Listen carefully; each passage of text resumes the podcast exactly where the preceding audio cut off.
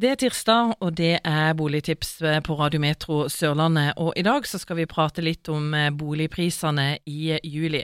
I studio eh, Gøran Flakk og Alex Modal fra DNB Eiendom. Og eh, hvordan var det egentlig med boligprisene i juli? Var det sånn at det gikk opp eller ned?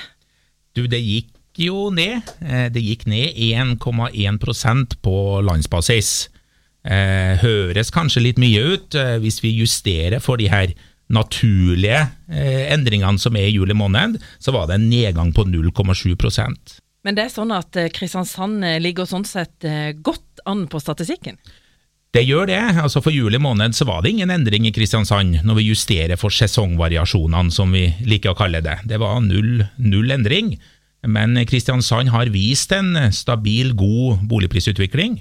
Og tar vi de siste tolv månedene, så har Kristiansand en vekst på 2,5 som er blant landets aller høyeste.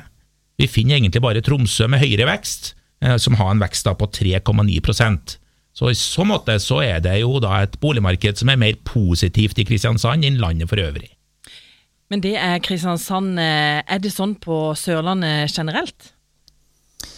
Ja, altså vi ser et veldig stabilt boligmarked eh, på Agder. Eh, både Vest-Agder og Øst-Agder. Det som varierer eh, er jo omløpshastigheten på de ulike typer boligene. Så det, leilighetsmarkedet det går jevnt og trutt og forholdsvis raskt. Dvs. Si 50 dager pluss. mens du har totalmarkedet som har en omløpshastighet på i overkant av 80 dager. Så vi har eh, Det går ikke veldig fort eh, hvis vi ser på snittet, men vi har differensiert marked, og det er veldig regionale forskjeller. Hva tenker dere om eh, tida framover? Nei, Der kan jeg vel egentlig bare støtte meg til historikk og si at Kristiansand lover det bra. Fortsatt en stabil, god utvikling. Vi snakker om en vekst på 2,5% som ikke er langt unna inflasjon, prisstigningen i samfunnet og det vil økonomene hevde er levedyktig over tid, så jeg håper og tror at vi kan fortsette sånn. Rentebanen justeres hele tida, kanskje den faktoren som påvirker oss mest, og det tyder på at man kanskje ikke skal ha alle de renteoppgangene, og da vil det òg være en positiv utvikling for boligprisene. Så, så stalltipset er at vi kommer til å se litt de samme tendensene som vi har sett de siste årene òg for, for Agder. Så det at eh, sentralbanken ikke satte opp eh, renta nå, det betyr eh, mye for boligmarkedet? Ja, definitivt.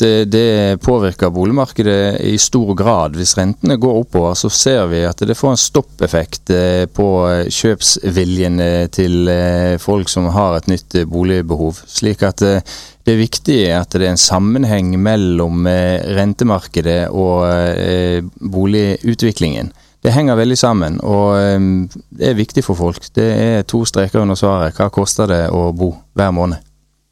Skal vi si litt om eh, førstegangskjøper også? Det kan vi absolutt. Det kom en ny eh, statistikk nå fra Norges Eiendomsmeglerforbund og Ambita eh, i forbindelse med en oversikt på utviklingen. En historikk på de ti siste årene som viser om mange førstegangskjøpere som kommer inn i markedet hvert eneste år. Eh, og det har vært veldig stabilt. For Agder har det vært eh, Eller Aust-Agder så har det vært rundt 900. Mellom 800 og 900 eh, hvert år, som er førstegangskjøpere. I Vest-Agder så har det ligget rundt 1600-1700 hvert år. I år så ser det ut som om at eh, vi slår de rekordene. Det sier noe om det stabile boligmarkedet vi har, at det er litt kjøpersmarked. Eh, og da er, åpner det seg mulighetsbilder for de som skal inn på boligmarkedet for første gang. Og sånn det ser ut i dag, så kan vi passere over 2000 i Vest-Agder eh, på førstegangskjøpere, og kanskje passere 1000 i Aust-Agder på førstegangskjøpere. Dere som eh, møter eh, mange førstegangskjøpere, møter dere trygge førstegangskjøpere, eller som dere merker på en måte har gjort en eh, jobb på forhånd, eller er det mye usikkerhet? Jeg må jo si at jeg er litt imponert over de førstegangskjøpene, i hvert fall på det som er kompetansenivået. Jeg tror det informasjonssamfunnet bidrar veldig. Det er lett å tilegne seg litt som regelverket, eh, og det virker som de er mer ressurssterke på å lære seg ting. Så, så jeg syns eh, det er gode utsikter for de førstegangskjøpende. De er målretta og er flinke i på en måte pengebruken, har spart til å kjøpe bolig, eh, og det er sunne signaler, for å si det sånn.